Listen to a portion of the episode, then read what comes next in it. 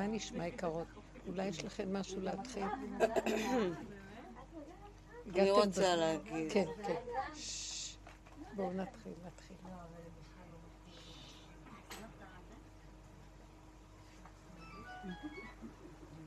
בזמן כן. האחרון, ככה, אני חושבת על ה... זה...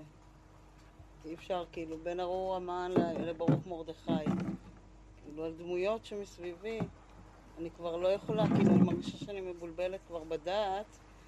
מי, מי נגדי, מי בעדי, כאילו, מה, מה קורה פה, כאילו, אז כאילו, זה מכריח אותי מרוב שזה משגע, זה מכריח כאילו להרפות ודי, זה עושה כאב ראש וזה...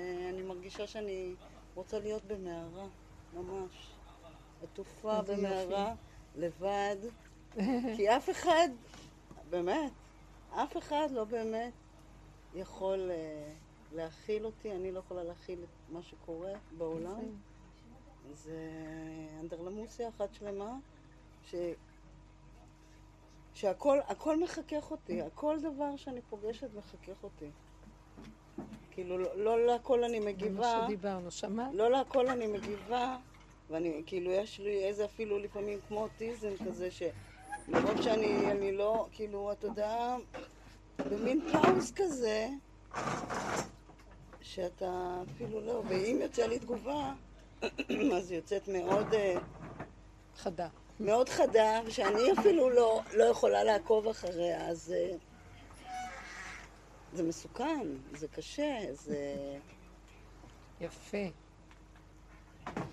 אז זה אה, בדיוק מה שדיברנו קודם, שאנחנו מגיעים לג... אה, יש כאן כל מיני דרגות של... ששומעים עכשיו את מה שאנחנו מדברים. אבל במהלך הזה שאנחנו עבדנו עליו, מגיעים לקצה של התוכנית הזאת שחקרנו אותה והתבוננו בה, ונהיינו, כאילו אנחנו מפרקים את ה... יש שם איזה מישהו עם קול חזק, אולי אני אגיד ש...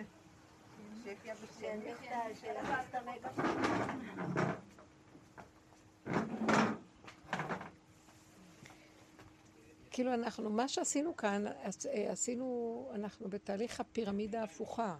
כלומר, באנו מהרחבות ופירקנו, פירקנו, פירקנו, פרמנו, פרמנו, פרמנו, נכנסנו פנימה, והסתכלנו על התודעה של העולם ובתוך עצמנו, מהעולם בחוץ לעצמנו.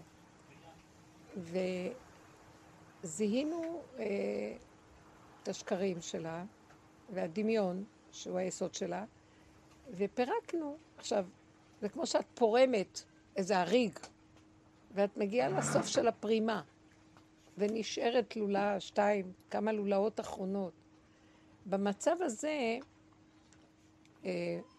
זה התפרק, לנו התפרק, אבל זה נראה שהעולם כאילו עומד על תילו בחוץ, ועולם כמנהגו נוהג, ומאוד קשה לבוא במגע עם עולם כזה. זה הופך להיות בלתי אפשרי. האומנם שגם בחוץ זה ככה מתפרק, דרך אגב. רק נראה כאילו, אבל זה מתפרק. האדם שעומד, שהוא נמצא בגבול הזה, והוא עומד מול מאורעות העולם, זה אירועים משפחתיים, זה מה שקורה, תלוי איפה הוא אוחז, אבל התגובות שלו הופכות להיות גבוליות עד כדי אימה וחרדה. הוא גבולי. אי אפשר כי התודעה של עץ הדת היא יושבת על אוויר, היא בלון נפוח. והפירוק שלה, כאילו אנחנו מורידים לה את האוויר, מורידים, מורידים, נשאר עוד טיפה. אי אפשר לעמוד, עכשיו אנחנו מורידים את האוויר, והבלון כביכול מתפרק לנו, אבל בחוץ נראה שיש, הנה בלון גדול עוד עומד, ואי אפשר. אה, טיפה של מגע עם אותו בלון, שאני לא יכול להכיל אותו כבר. שום דבר.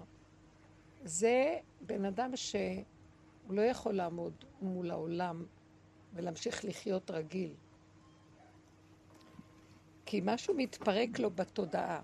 אמנם אפשר להכיר שהוא לא יכול לעזוב את העולם, אבל הוא יכול לעזוב את כל הצורה שבה אנחנו, אה, המערכת שהרגלנו לעצמנו שאנחנו חייבים להיות שייכים לה. המשפחתיות וההתייחסויות, הזוגיות וההתייחסויות, ההורות, ההתקהלות והחברתיות, קהילה וחברה. וזה מגיע למקום שאנחנו לא עוזבים את העולם, אבל אנחנו נוטשים את הרחבות והתרבות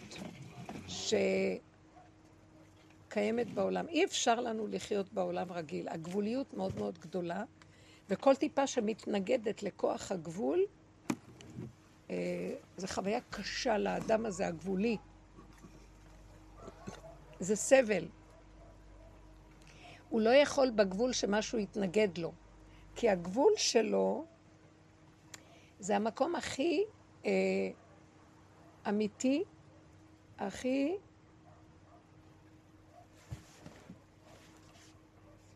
כל מה שיש לו. אין לו שום דבר אחר חוץ מהגבול.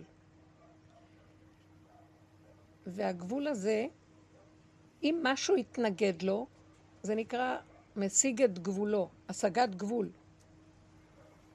ואני הסברתי באחד השיעורים שיש מה שנקרא, אה, אדם לוקח דבר שלא שלו.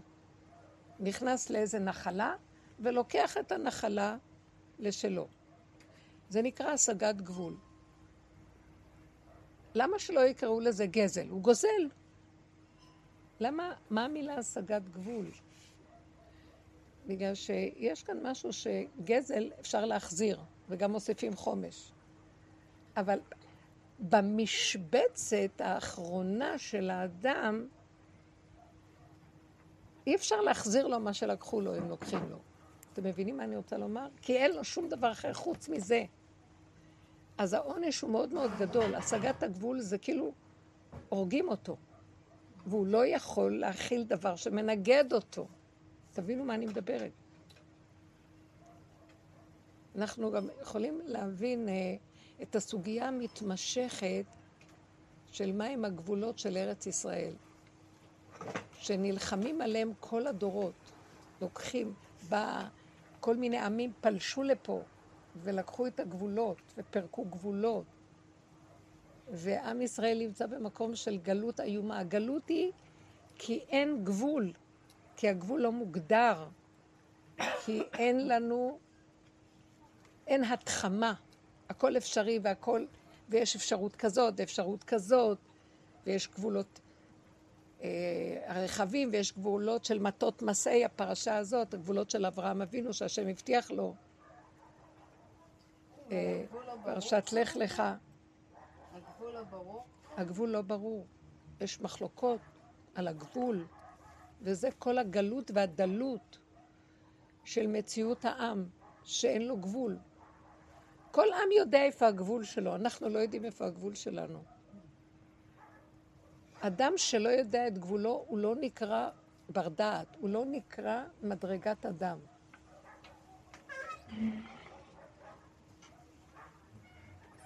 הגבול זה היסוד של כל דבר. שממנו הראשית האמיתית.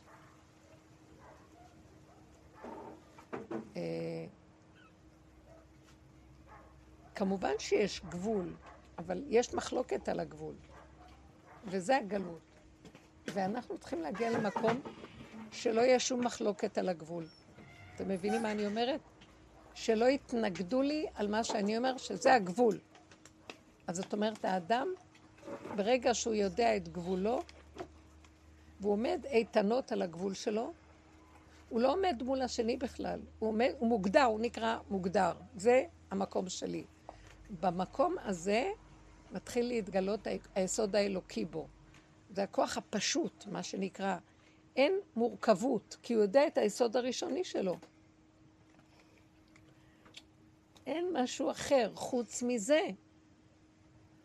אנחנו בעבודה שלנו עשינו אחורה, אחורה, אחורה, מכל הרחבות והתהייה ובהייה והבלבול והאפשרויות והפרשנות והמשמעות, כדי למצוא איפה הגבול, סוף סוף.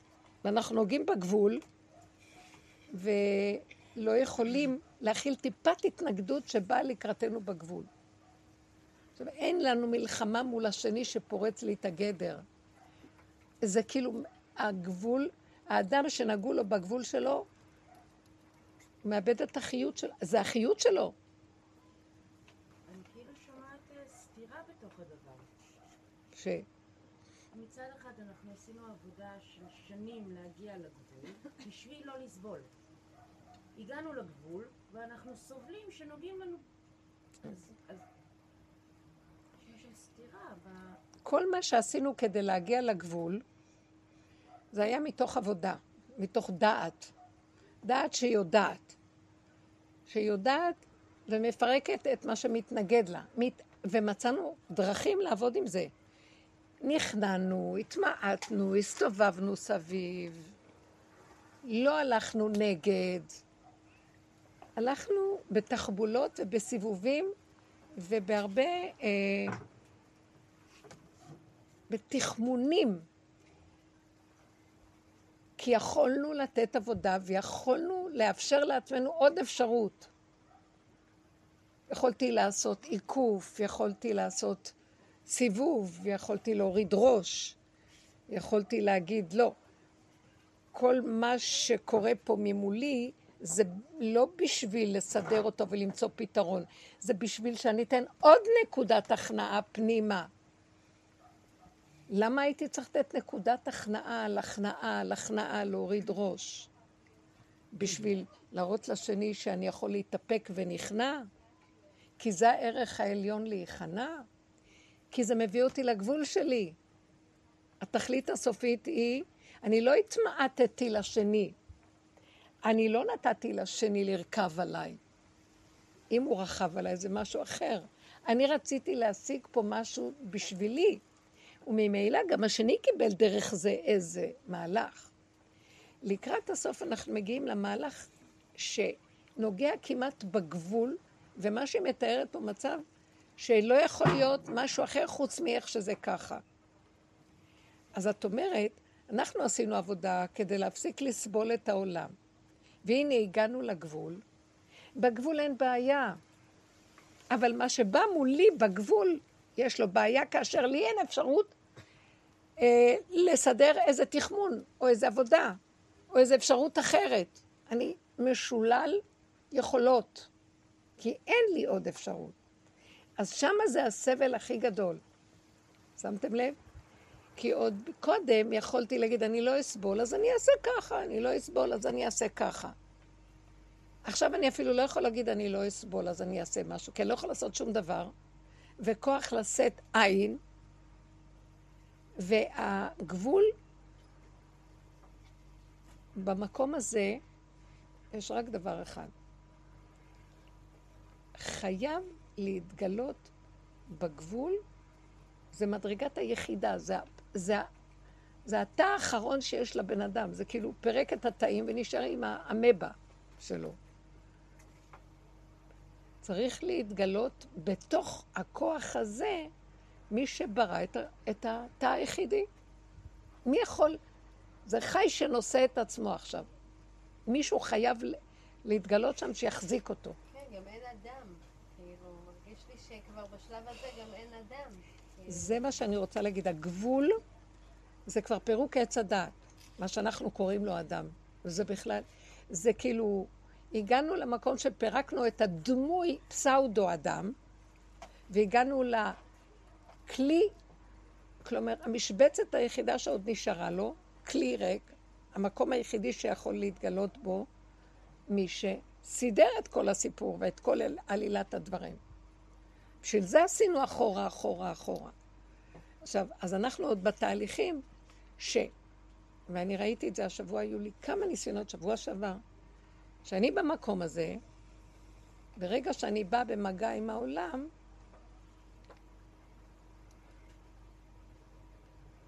אין לי, אין לי כבר בחירה כמעט, אבל יש לי עוד איזו בחירה אחת, להיזהר לא להיכנס במגע עם העולם. ואני נכנסת, אני בוחרת להתרחב טיפה עם העולם, שם אני מרגישה שאני הולך למות. אני לא יכול לחיות. הבנתם מה אני אומרת? העולם פתאום מגיע אלייך. העולם פתאום מגיע. זה- והפתאום זה לא הזה נורמל. שהעולם מגיע אליי, אני עוד, אני בתור אדם, שכל התהליך שלו זה להפסיק לחפש אורות ולחפש אלוקים ולדבר על אלוקים והשם ורק להגיד, אבל מה חובתי בעולמי? מה אני כאדם צריך לעשות? ואז אני רואה, אני לא רוצה יותר להגיד, מישהי אמרה לי בדרך, השם יכול לעשות כל מה שהוא רק רוצה. השם הכל יכול לעשות, אם הייתי רק מאמינה. ואמרתי לה, אני לא רוצה לשמוע את הדיבור הזה. אני לא עסוקה בהשם. ואמרתי לה, אני לא רוצה לשמוע, כאילו, זה בלתי נשמע בעבודה שלנו מה שהשם יכול לעשות. זה לא ענייני מה השם יכול לעשות. ענייני מה אני יכול לעשות כדי שיתגלה אותו כוח שהכל יכול לעשות. אז אני לא מעניין אותי אורות. מעניין אותי לשלול את החיובי שכל הזמן מדבר אורות ואלוקים והשם והרחבות הזאת, ורק לראות מה אני. ואז זה מה שעשינו, לקחנו פנס והסתכלנו פנימה וראינו כמה אני מגיב, כמה אני רוטן, כמה זה משהו, רק המראה והמקל שמראים לי את עצמי, כמה השני היה רק האמצעי והסיבה, וכל הזמן אחורה ואחורה ואחורה. אז כל הזמן עבדנו לחפש מה אני עוד יכול לעשות פה. השני רק מרגיז אותי כדי שאני אעשה משהו. אז זה לא היה מקום להתלונן על השני. עד שהגענו למקום הזה, ובמקום המשבצת הזאת אני אומרת עוד, מה אני עוד יכולה לעשות? כי זה כל העניין שלי, איפה יש עוד נקודת בחירה לפני שנדם הבחירה לגמרי, נגמרת הבחירה. אז כשאת עוד אומרת, אני ראיתי על עצמי, שאני כל כך גבולית, ושמתי לב שבגבוליות שלי אני לא יכולה להכיל שום דבר שמנגד אותי. ואז יכול לצאת לי משהו, נכון? כי אני לא יכולה להכיל. אבל ראיתי שאחרי שאני אומר, כי יוצא לי, אני עוד ממשיך לספר את הסיפור.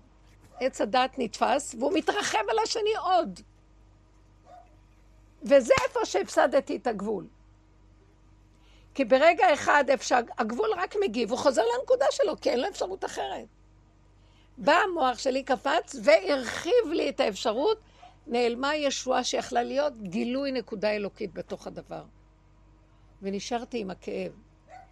ואז אני צועקת, אז מה אני צריך לעשות עם הגבול הזה? אז השם אומר, עכשיו אני יכולה להגיד, הגבול הזה, הוא באמת לא יכול לעשות כלום, אבל אתם יודעים מה זה גבול? אם אדם הוא בגבול שלו, נקודה בגבול, הוא עושה פעולות, הפעולה קטנה. היא קטנה, היא גבולית. היא במקום ובזמן, רגע, נקודה. אז היא מגיבה, אבל היא גם מתנדפת אחרי רגע. במקום הזה עוד הסכנה שלי שראיתי, זה שאני מתלבשת בהתנגדות, והחלטתי לרכב עליה איכשהו, ולהראות לשני שאני בהתנגדות. ולי יש גבול. וראיתי שמשהו נגנב שם, שלא נוותר הפעם. אני לא אוותר. אז כבר הגשמתי את הדמות מולי מדי. אתם קולטים מה אני מדברת? וזה הסבל. זה לא הגבול הסבל. הטיפת התרחבות שנמשכה לי. אני ראיתי את זה והיה לי כאבים מזה, ואז חזרתי לעצמי ואמרתי, אבל התרחקת. כי יכולת להועיל לשני שמרגיז אותך, אם היית חוזרת לנגוע בנקודה שלך מבלי לעשות מזה עכשיו סיפור של בין אדם והשני לחברו. וזה, הסוף הוא הסכנה, זאת הסכנה. והיא אמרה, היא אמרה, אנחנו מסוכנים, אני כבר בסכנה מול העולם. כי מהי סכנתי עכשיו מול העולם? שלא יתרחב לי טיפה מהגבול הזה עוד. וזה יכול לקרות.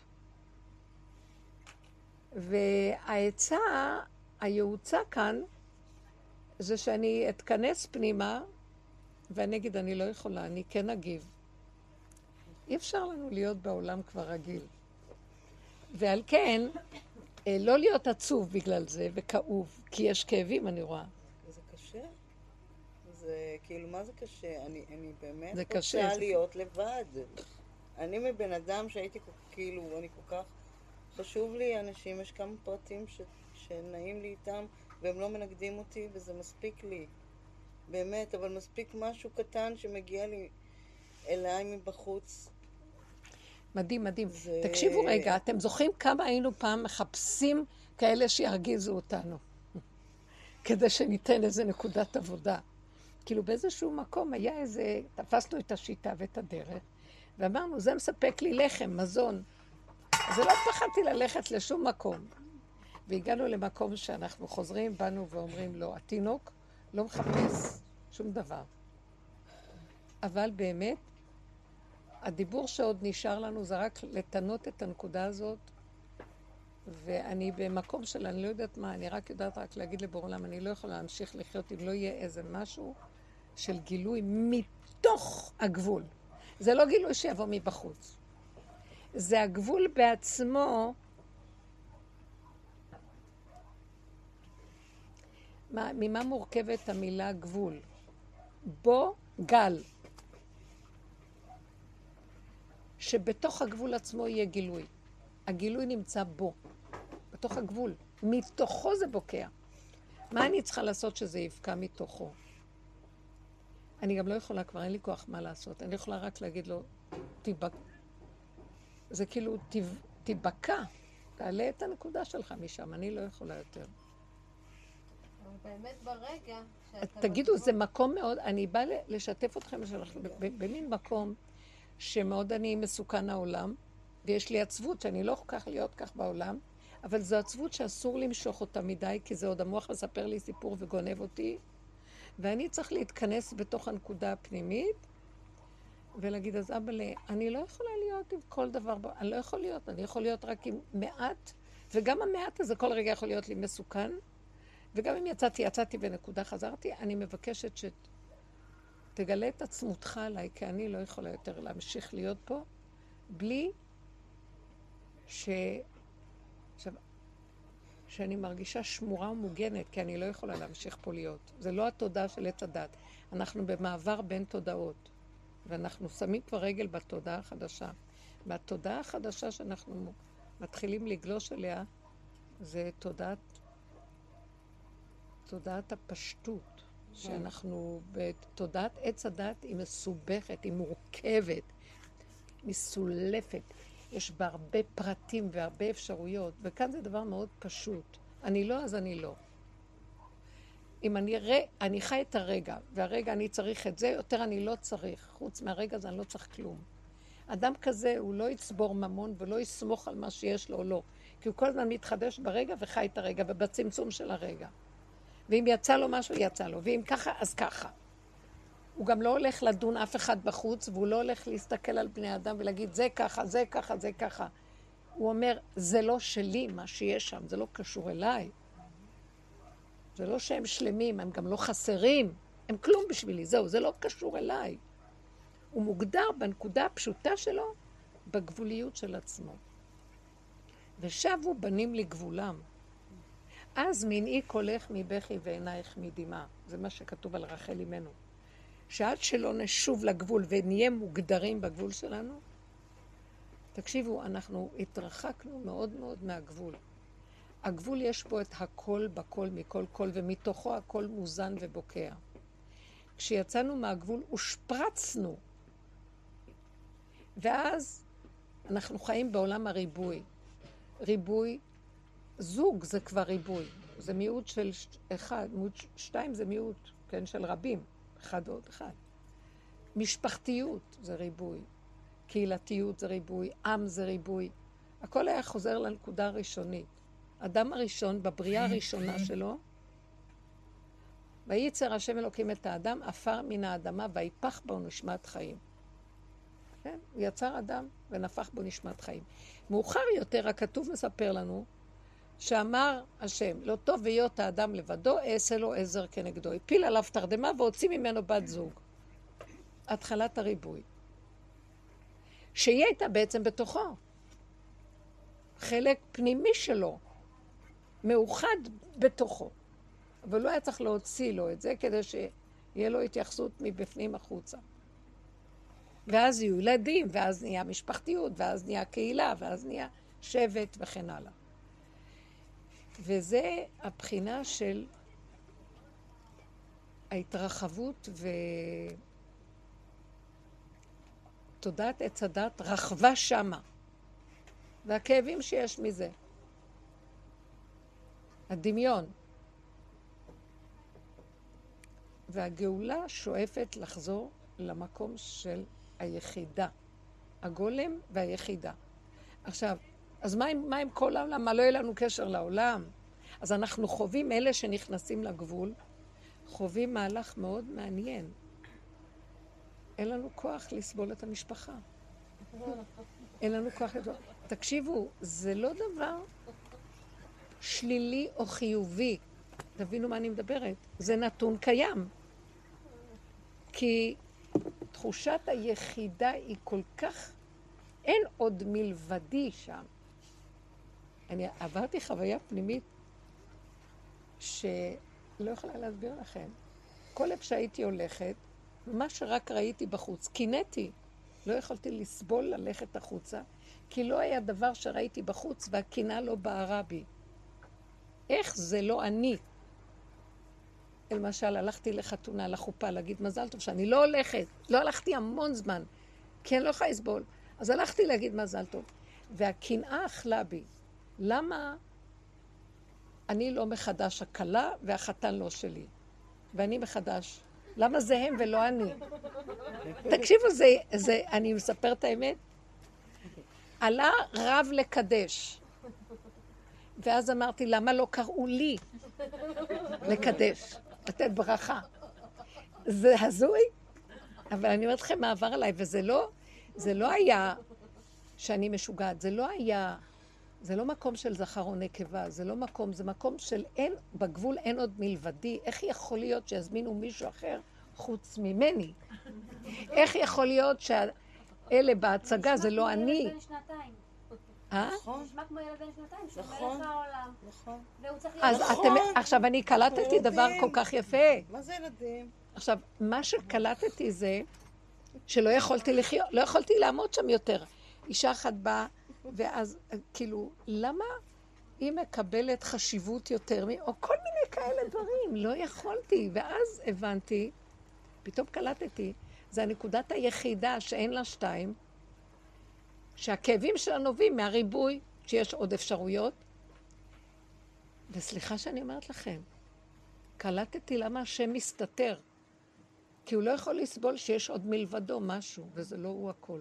ולכן כל הזמן הוא רודף אה, בידי הנביאים והכל. למה אתם בורחים לי? למה אתם לא שומעים לי? עד מתי נעצוני? עד מתי תעשו מה שאתם רוצים? עד מתי... זה נראה כמו שלא. במחשבה החיצונית, אז אלוק, אלוק המגלומן, מה זה? אבל באמת, באמת, האלוקות נמצאת בנקודת היחידה. וכמובן שתודעת עץ הדת תספר את זה בצורה הזאת, שהוא כועס עלינו. אבל זה התסכול של היחידה, היסוד הפנימי הזה, ש... מה שאת חווה זה התחלת גילוי האלוקי.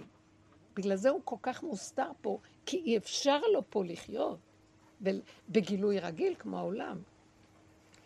וזה הנקודה של הגבול, היא- הגבול זה הכל. אנחנו עכשיו בסוף פרשת מטות מסעי, בסוף חומש במדבר.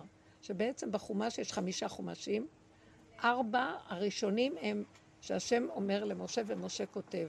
החומש החמישי, דברים, משה עושה סיכום כללי ונותן מוסר לעם ישראל מעצמו. אבל כאן עכשיו נגמרים, נגמרת התורה בפרשת, בספר במדבר, פרשת מטות מסעי. הם עומדים מהמעבר שלהם מהמדבר, סוף תודעת עץ הדת, בעבודה. כי המדבר מסמל את העבודה. מצרים מסמלת תודעת עץ הדת, שאנחנו שקועים בה ולא יודעים בכלל שאנחנו בכלל באיזה שקר וכזב, זה העולם. היציאה ממצרים זה האפשרות לראות, חבר'ה, תתעוררו, אתם ישנים, ואנחנו נותנים לכם הזדמנות, השם נותן כאן איזה אור אלוקי שנתן הזדמנות להתחיל לראות שאתם חיים בסרט פה, תתעוררו, זה שקר. ואז קבלת התורה וכל 40 שנה במדבר מסמלים את 40 שנות, את 40 לא, אה, אה, 400, 4,000, זה כמעט שנות גלות, 3,600 כמעט שנות גלות מאז מתן תורה, שאנחנו מתגלגלים ומתגלגלים ועובדים עם השכל בתורה, עם הדעת ומבררים אותה. כדי רק לראות את ה... כמו שעשינו בעבודה שלנו, בחורים ובסדקים, כדי לראות את עצמנו איך אנחנו נראים בתודעת עץ הדת, עם הדת של, התו, של הדרך. ובסופו של דבר מגיעים לסוף, פרשה הסופית. עומדים אה, לא רחוק מפה, בכניסה מעבר לירדן, להיכנס לארץ ישראל. הם באו מהכיוון הזה, לא? מהירדן? מהגלגל. מהאזור הזה. אנחנו ברותם פה, שזה קצת אה, מזרחית לכאן. כן. כביש 90, לא? שם דרומית. יש גלגל. דרומית, דרומית. דרומית. אנחנו כאן, אבל במזרח לדרום. זה נמצא דרומית. כן, כן. דרומית מאיתנו. אז זה המקום ש... כאילו, באיזשהו מקום אנחנו בגבול, והכניסה לארץ ישראל מסמלת את הגילוי, זה ארץ של השם, את הגילוי של עיני השם אלוקיך בא תמיד מראשית שנה ועד אחרית שנה, של גבולות ארץ ישראל. תדעו לכם, הגלות של עם ישראל זה בגלל שהגבולות כאן לא ברורים, לא ברור הגבול. בגלל זה כל הזמן הכל פרוץ, וכל האומות דנים אם זה הגבול, לא הגבול, וזה אומר ולא אומר וכן אומר. אם היינו קמים ואומרים, שמעו, ברור לנו מה הגבולות שלנו. מה עם המציאות? למשל, אין לה שום אה, משמעות? איזה מציאות? מה שקורה בשטח, כאילו, אין לזה שום משמעות? איזה מציאות? אה, סוריה, ירדן, לא יודעת מה, אין לזה משמעות. לא, יש כאן תורה שאומרת מהם הגבולות שנתנו לנו. הייתה לי עכשיו, אני לא מדברת על ארץ ישראל, אני רק לוקחת אנלוגיה מזה. כן. שהתורה מגדירה לאברהם אבינו, קומי תלך בארץ לאורכה ולרחבה, כי לך נת- לא זרען, לזרעך נתתי אותה.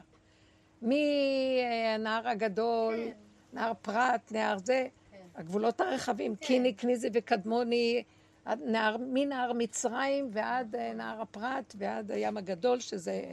אני לא נכנסת עכשיו בזה, אני לוקחת אנלוגיה. הרבנית, הייתה לי מחשבה דווקא שאנחנו רואים בשנים האחרונות איך סוריה מתפרקת, אה, לבנון מתפרקת, כבר אין ממשלה, אין כלום. אה, עיראק מתפרקת, ועלתה לי מחשבה שבסוף פשוט ייתנו לנו את זה.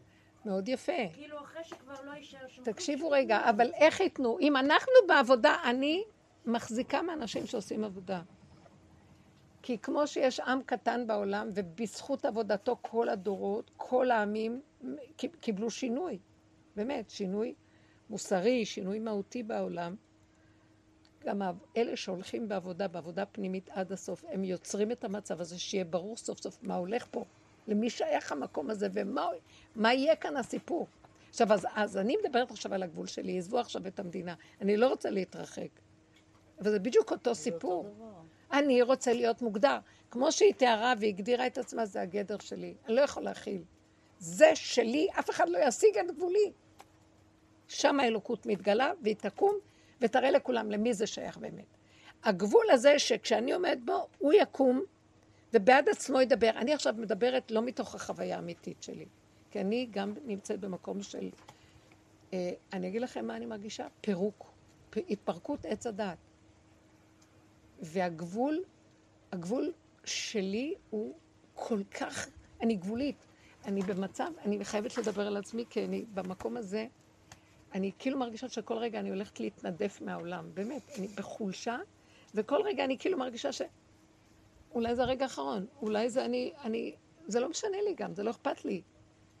איזו תחושה של מעבר, אם אני בין, עול, בין העולם הזה לעולם, לעולם אחר. ואז אני אומרת לעצמי, זה כנראה, וזה באמת מה ש...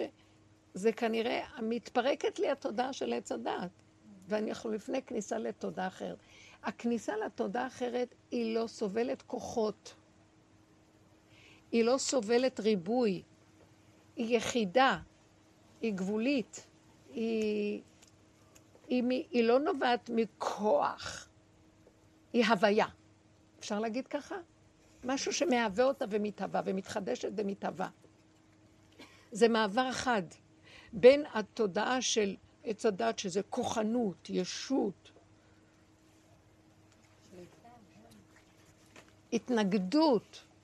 זה, עץ הדת חורט על דגלו התנגדות, כי יש דבר והיפוכו, וכל הזמן מה ביניהם, במלחמות. וזה מקום של אין כוח להילחם. נכון.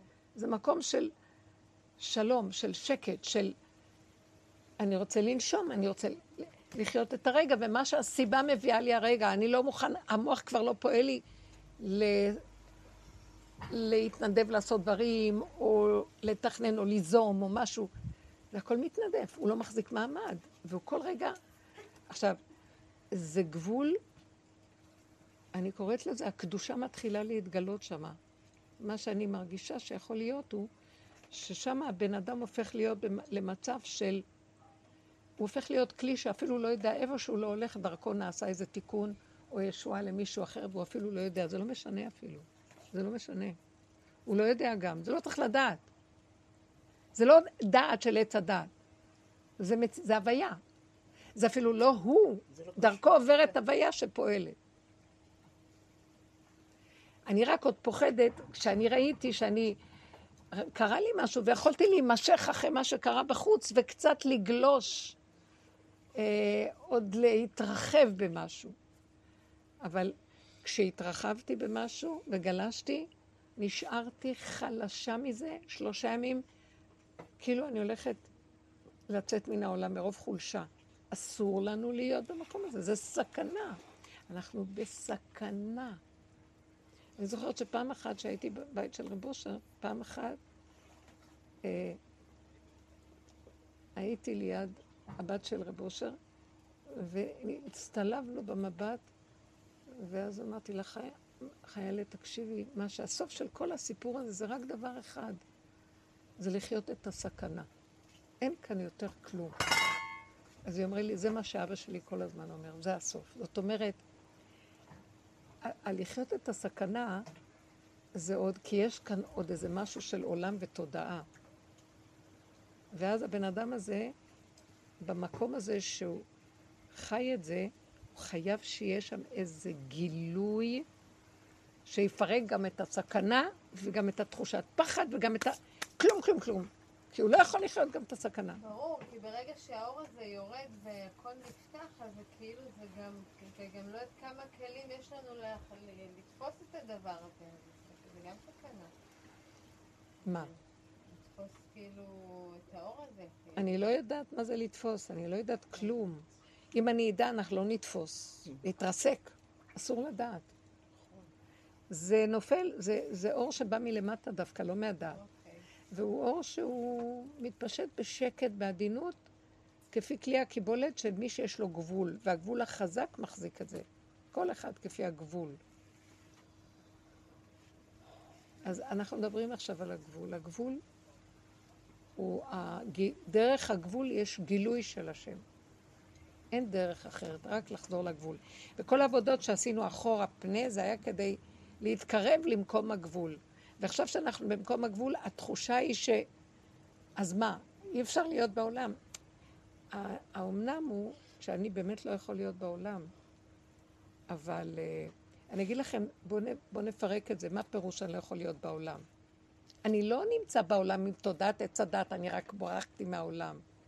אין לי, כל התודה של העץ הזאת נופלת. Uh, אין אחד ועוד אחד. אז אין לי גם פחד קיומי. התודעה הזאת, היא מביאה משהו חדש.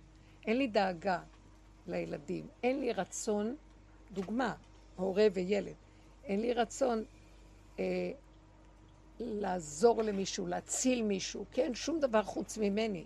רק אם תבוא סיבה חזקה ותיקח אותי, אני לא. שמתם לב?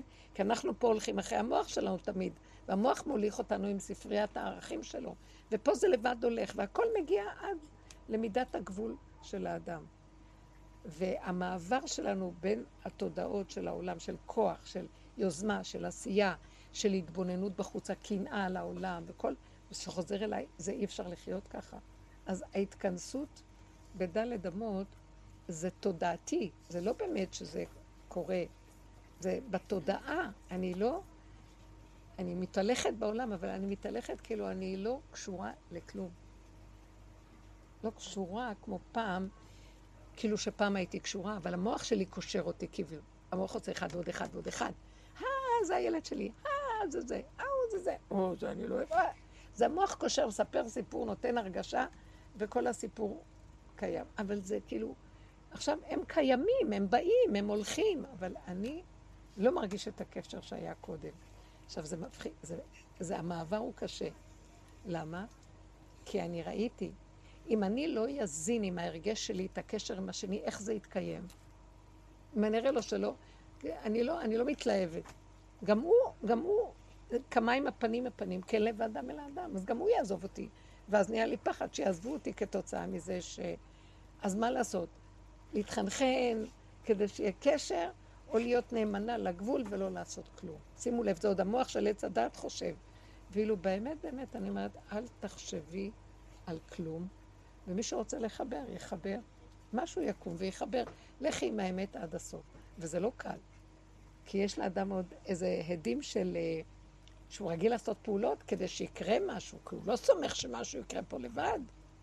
אנחנו במעבר, ויש לנו עוד איסורים במקום הזה, שזה עוד לא ברור שאנחנו לגמרי נעזוב וננטוש. אבל החולשה והגבוליות עושים את שלהם במילא. אין כוח וזהו. עד שסוף סוף, בסוף אני אומרת לעצמי, אין לי כוח לתחמן, לחשבן, לפחד, שזה סכנה להתנתק, וכל הדברים האלה, מה שיהיה, שיהיה, אין לי כוח לכלום. משהו כאן צריך... שמתי לב איך? שכמה שאני יותר אה, גבולית ויש לי פחות סבלנות לשרת את כולם בבית ואני יותר חושבת על עצמי, הם פשוט יותר אוהבים אותי ואני לא מבינה את זה. אני כאילו חושבת אם אני עצובה, או שעכשיו אני עצבנית, או שאני עושה משהו שלי ועזבו אותי בשקט. ופתאום הם. אה, באים, הילדים, את רואה, זה קורה. אומרים לי, אמא, אנחנו אוהבים אותך, כל החיים כאילו היו, תני לי עוד, תני לי זה, פתאום הם אוהבים אותי, נורא מוזר. מאוד יפה. אני מרגישה שאני כאילו הכי פחות. אז, אז מה, מה המסקנה פה על פי שכל פשוט? שיש כוח שקם ומחבר. ההוויה מחברת. זה לא מהתחמון שלי והמוח שלי והתחושה שלי וההשתדלות שלי וכל החשבון הזה שאנחנו חיים. וזה דבר גדול. אין כוח כבר לשאת את העול הזה, בייחוד שהם באים לגבול, אין כוח להכיל את התחושות האלה שזה נותן לנו, כי המוח מפרש ונותן תחושה.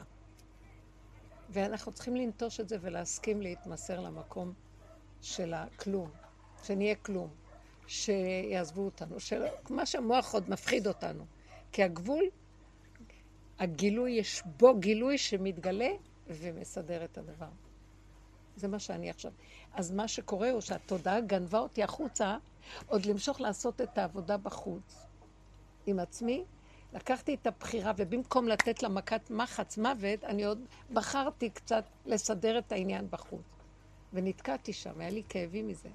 אז הבנתי שאני חייבת, כמו שאת אומרת, עוד יותר להרפות, ולא לפחד מה יהיה, לא יהיה, כן יהיה. הדת היא, היא עושה, הרשימו של הדת הוא קשה.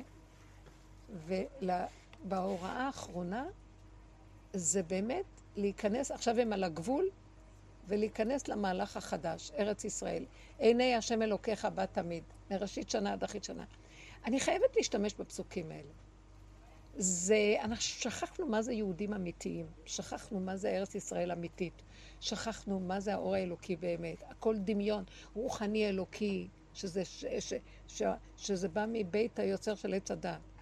אנחנו, היהדות שלנו הפכה להיות שאנחנו חר, חרדים לחוקים ולתורות ולמנהגים ולכל, ולא נוגעים ביסוד האמת של עצמנו, שהחוקים הם חוקים מדהים, מדהימים, עדינים ואלוקיים.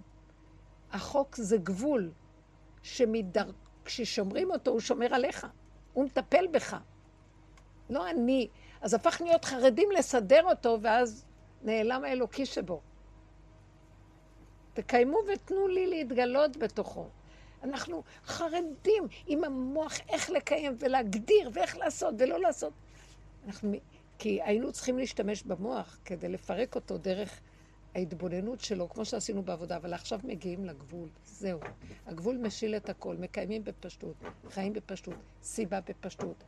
זה מתקיים מעצמו. והכוח האלוקי מתקיים בתוך הגבול, והוא מחיה את החוק שלו. מעצמו. זאת אומרת שהתורה היא, מה שאנחנו בגלות משתמשים בתורה בדעת, היא בעצם תורת הבריאה.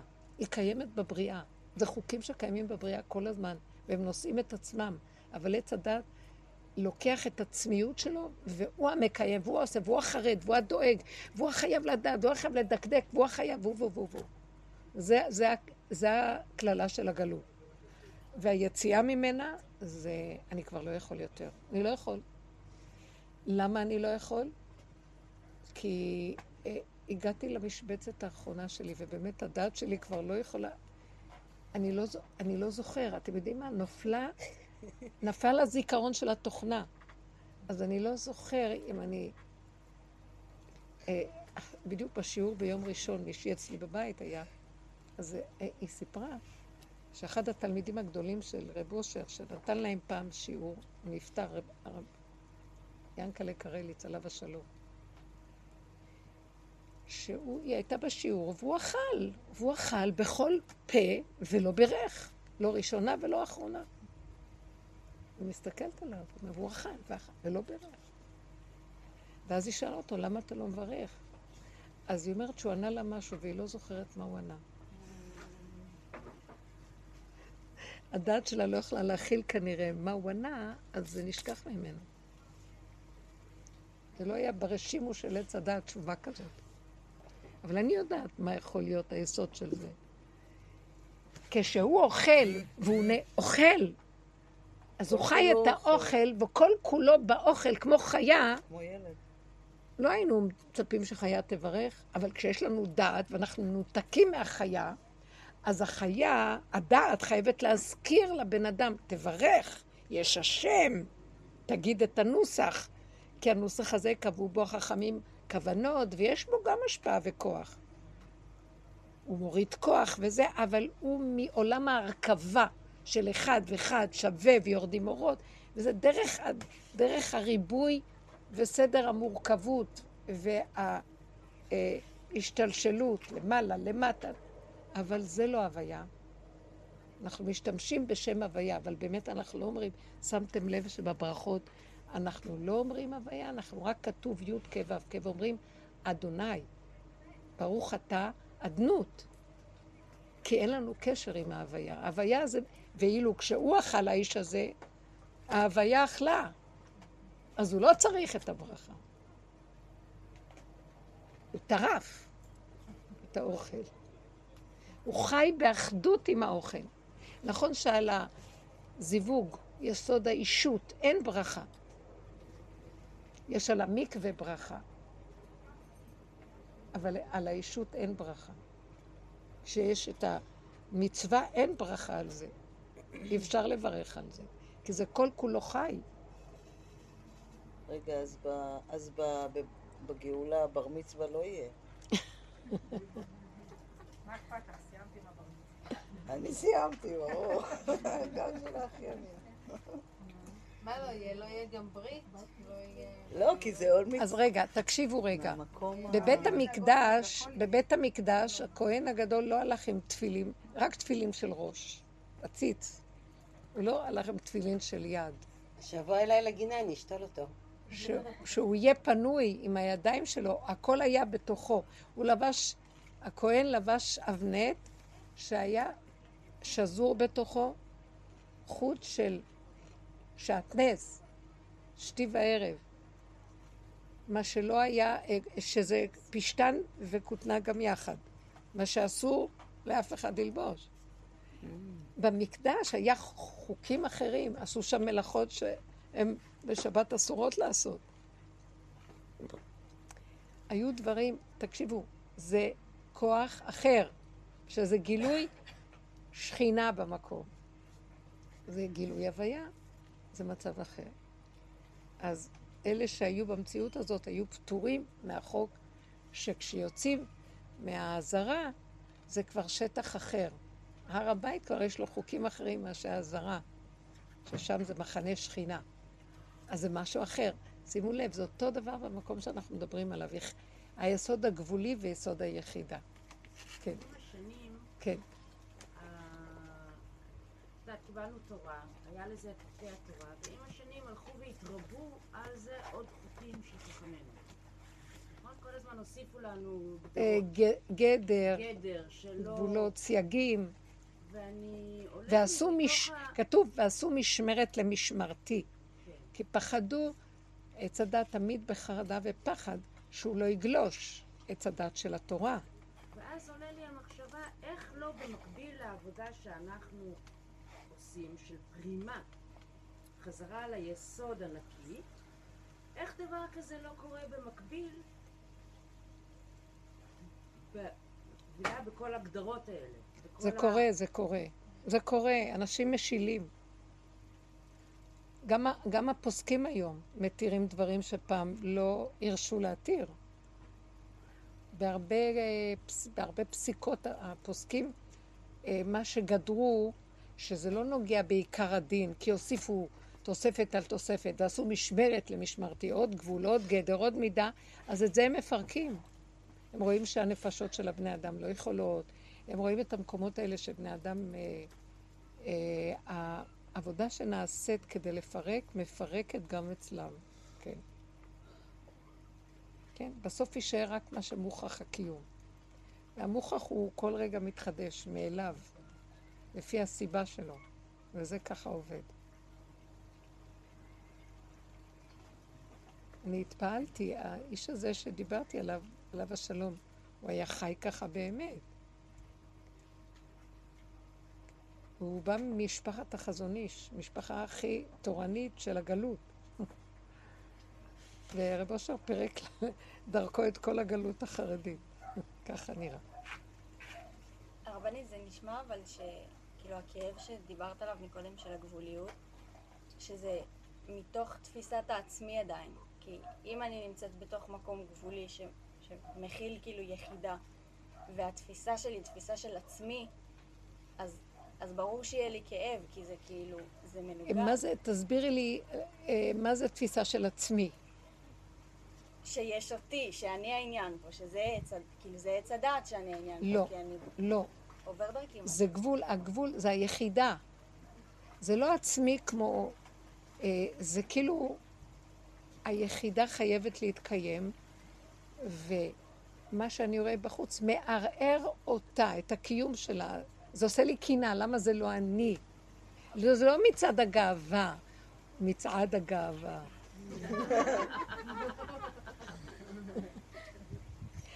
זה לא בא מצד, זה לא בא מצד המוח, זה בא מצד ה, אה, הגבול הקיומי, איך יכול להיות? זה לא הגיוני בכלל שאני אספר לכם סיפור כזה. איך יכול להיות שיש עוד מישהו חוץ ממני פה? הלוא זה ילדותי דבילי, אבל זה האוטיזם הזה, זה, זה המלכות, נקודת המלכות. זה ש... אדם שלא מרגיש את זה, הוא לא יכול להיות מלך. זה, הוא נוגע בנקודת המלכות שלו שמה. וזאת המלכות. והוא לא מוכן לוותר על המקום הזה. עכשיו, הוא לא יכול להילחם מול העולם. כאילו להגיד שלכל מידה יש את המקום שהיא היא באה מתוך האני כמו קנאה, ויש קנאה שהיא לא באה מתוך האני. זה קנאה שהיא כבר כמו קנאת השם, היא לא באה מהאני.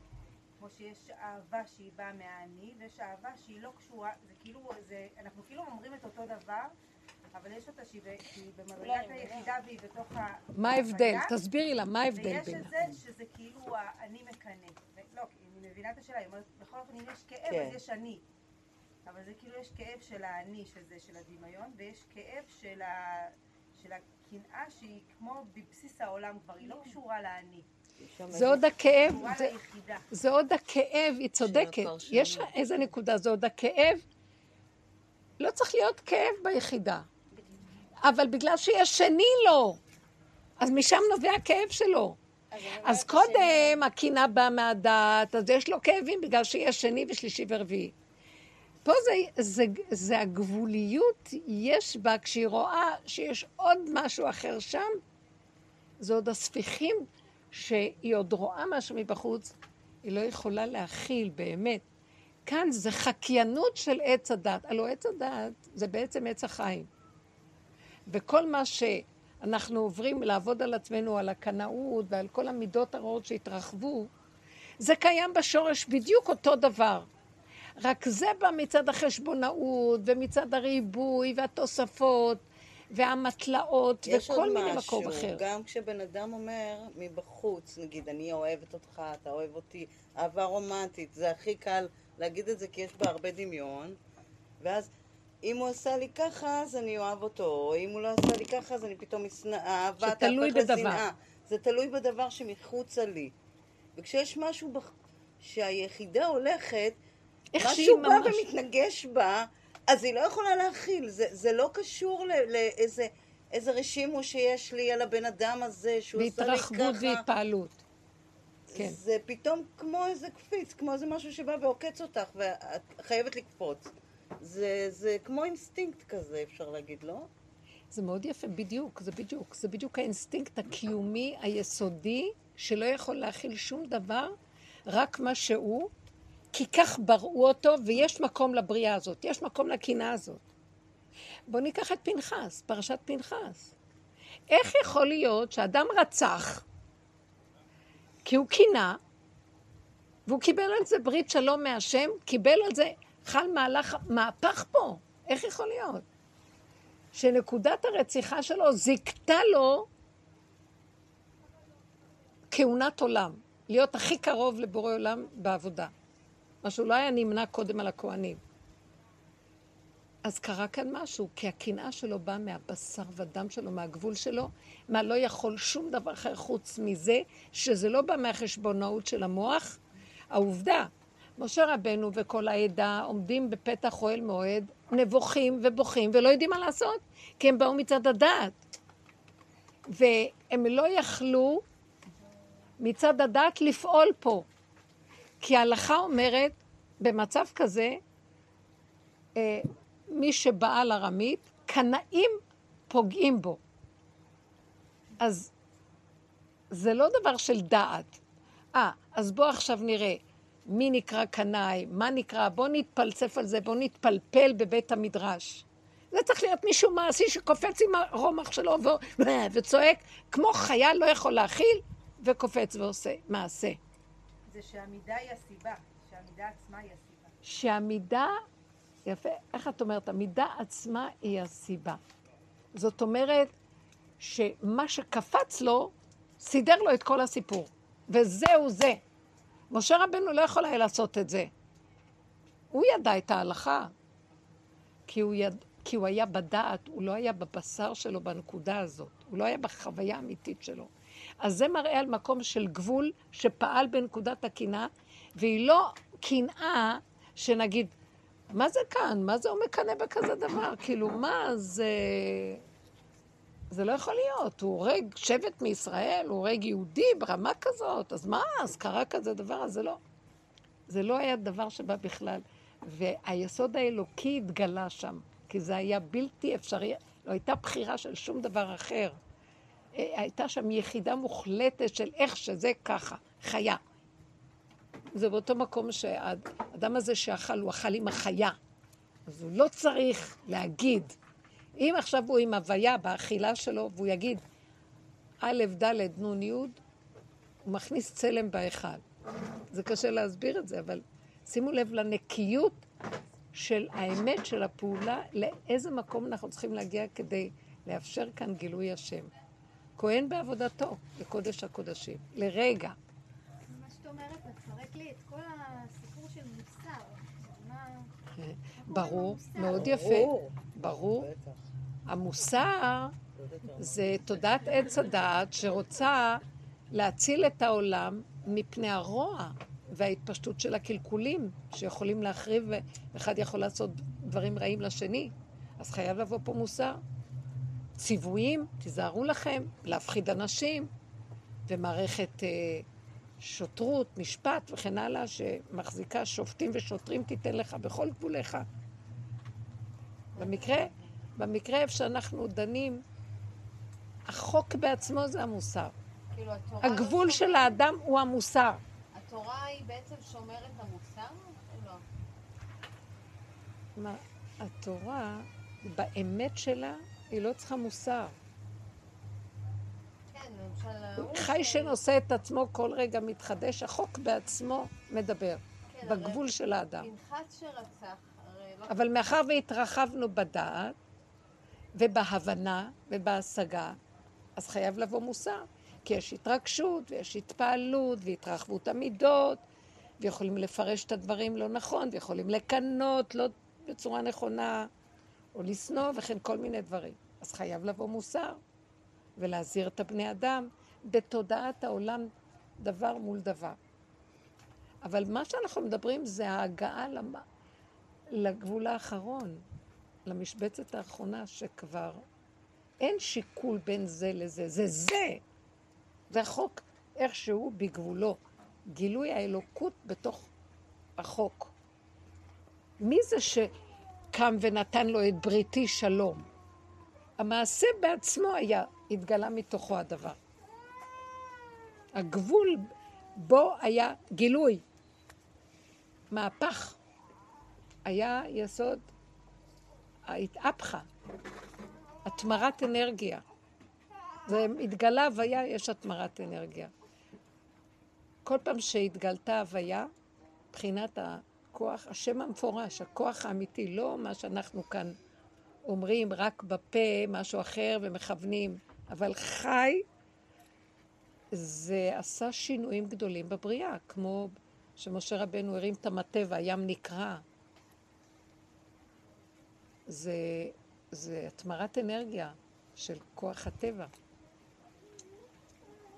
אז זה המקום שהגבול יוצר אותו. למה? נחשון נכנס עד הגבול שלו, אין לו יותר אפשרות. שמה, חל מהפך. הכל היה הגבול. המצרים מאחורה, והים מקדימה, ואין לאן, ולך לשם. אין אפשרות אחרת. אה, אסתר עם הישועה, עם המן, כאשר עבדתי, עבדתי, אין אפשרות אחרת. היא הלכה לתוך הנקודה, אין משהו אחר. זה המקום, זה לא בחירה, זה לא כלום, זה, זה גבול שמדבר בעד הנקודה של עצמו. תקשיבו, אם אנחנו, בבקשה תתבוננו, כמו שאת אמרת, אם אנחנו ניכנס למקום הזה, ואני רק מבקשת מהשם, אני אומרת לעצמי, אני ראיתי איך שאני יכולה בשנייה לגלוש ולאבד את הנקודה הזאת. ואז יהיו לי כאבים עוד מהעולם. אבל אם אני עוד אה, אה, בגבול הזה אשאר נאמנה לגבול, ואני רק אהיה עם הגבול, ואני לא יכולה כלום, רק הגבול, כל מה שאני אחליט שם, זה יקרה. כי אי אפשר אחרת. אני אהיה נאמנה למקום הזה, כי אי אפשר אחרת. אבל אנחנו עוד במשהו גול, גולש לנו וגונב אותנו. כן, כי זה... או עצבות כאילו... יכולה לגנוב. נכון. זה רצו ושוב עדיין, אנחנו מדברים על תהליכים שאנחנו נכנסים בהם. זה לא שאנחנו כבר מוחלט בגבול, אבל חווים את uh, תודעת הגבול מגיעה.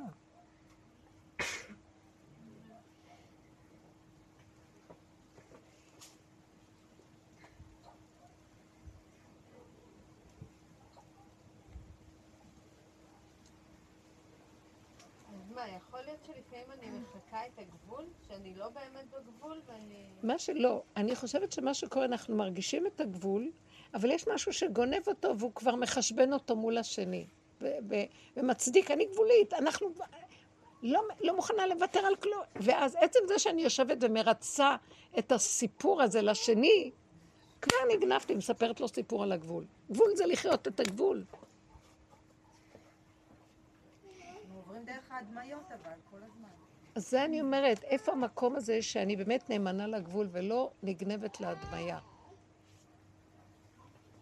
תשמעו לא, רגע, זו עבודה מדהימה. אולי המקום הזה זה, רק בדיעבד, זה, רק שאני לא פותחת אחר כך בשביל לשתות את זה.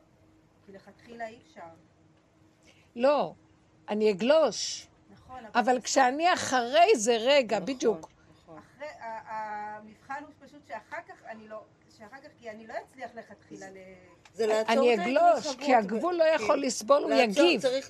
אני אגיב, אבל אני, מרוב שאני מפחדת מהמצוקה, אני אעצור את ההתרחבות, כי אני לא יכולה... כי, אני מתכוונת, אני הולכת לבית משוגעים עכשיו. לא- אם אני לא אחזור לעצמי, זהו, הלך עליי. אין לי, אין לי... תקשיבו רגע, בוא נגיד, בוא נגיד שפנחס לא יכול היה לסבול, הרים את הרומח ודקר. מה, אחרי זה לא יכול היה להיפתח לו המוח? ואז היו דנים אותו. בדיוק. זו הייתה הנקודה שכתוב פרחה נשמתו, הם באו לקראתו להרוג אותו מה שהוא עשה, כל שבט uh, שמעון. ואז פרחה נשמתו. אני רוצה לקחת את הנקודה הזאת, זה מה שאני מרגישה שנשמתי הולכת בפרחה. כאילו משהו מרגיש לי של התנדפות. כי זה המקום שיציל אותי, שהגבול לא ייגנב לי בעולם. כי בשנייה זה נגנב פה עוד פעם. כי ברגע שאני אומרת, יוצאת עם הגבול ולא יכולה להכיל, אז שאני גם יגיב לי עוד פעם. ואז אני יכולה להיגנב להגיד לו, והוא יגיד לי, והלכתי לאיבוד עוד פעם. בייחוד שזה עם את המשפחה הגבול. גם, עם הבני זוג והילדים. כאילו, אני, אני יוצאת, ואז מתחיל ויכוח, ואז אני, אני, אני, אני לא מצליחה להתאפק. אז הסכנה גדולה. נכון. אז כאן פרחה נשמתו. כאילו, הוא היה חי... עזרו לו להיעלם מהעולם כדי שלא יהיה לו תגובתיות. אז תקשיבו רגע, מה אני באה לומר? שאם אנחנו אוחזים בחוויית הגבול ונאמנים לה עד הסוף, יבוא משהו לקראתנו שיפריד אותנו מהאפשרויות ליפול בתוך העולם. אמנם אנחנו נרגיש שאנחנו הולכים למות, כאילו אין לנו כוח, כאילו משהו, אבל זה טוב. להסכים לקבל, אנחנו כבר, אנחנו כבר אמונים, אנחנו מאומנים בלמות במרכאות. שימו לב, הדרך הזאת נתנה לנו המון תרגול של מה שנקרא, כל רגע אנחנו ממית ומחיה, ממית ומחיה. אני, אתן יודעות את זה, זה דרגות של נפש. להסכים לזה, כי זה מה שיציל אותנו פה. אחרת, הממית הזה הוא לקראת החיבור עם השם, במקום להחיות את נפשנו לתוך העולם ויהרגו אותנו פה. כן, זה כאילו.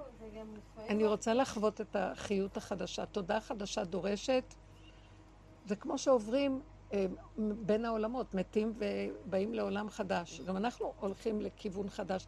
צריך להסכים למקום הזה של, של החולשה, שאני לא הולך, אני לא יכול, לא מתאים לי. זה לא... ולא להיבהל מזה. והדיבור מאוד עוזר לי להיות במקום של, אבל תתגלה ותעטוף אותי, כי אני רוצה לחיות עם האמת איתך. זה מאוד קשה. עכשיו אנחנו ממש בכניסה לתודעה החדשה של ארץ ישראל. כי אנחנו בכניסה, לפי הפרשיות לארץ ישראל. זה... אני גם מרגישה שמה שרוכש פה במדינה, אי אפשר להמשיך. זה לא מדינה כבר. זה משהו כאן הלך לאיבוד ולא יודעים, אף אחד לא יודע איפה זה ומה זה, מה קורה פה בכלל. זה משהו שהולך להשתנות ויש איזה גדר.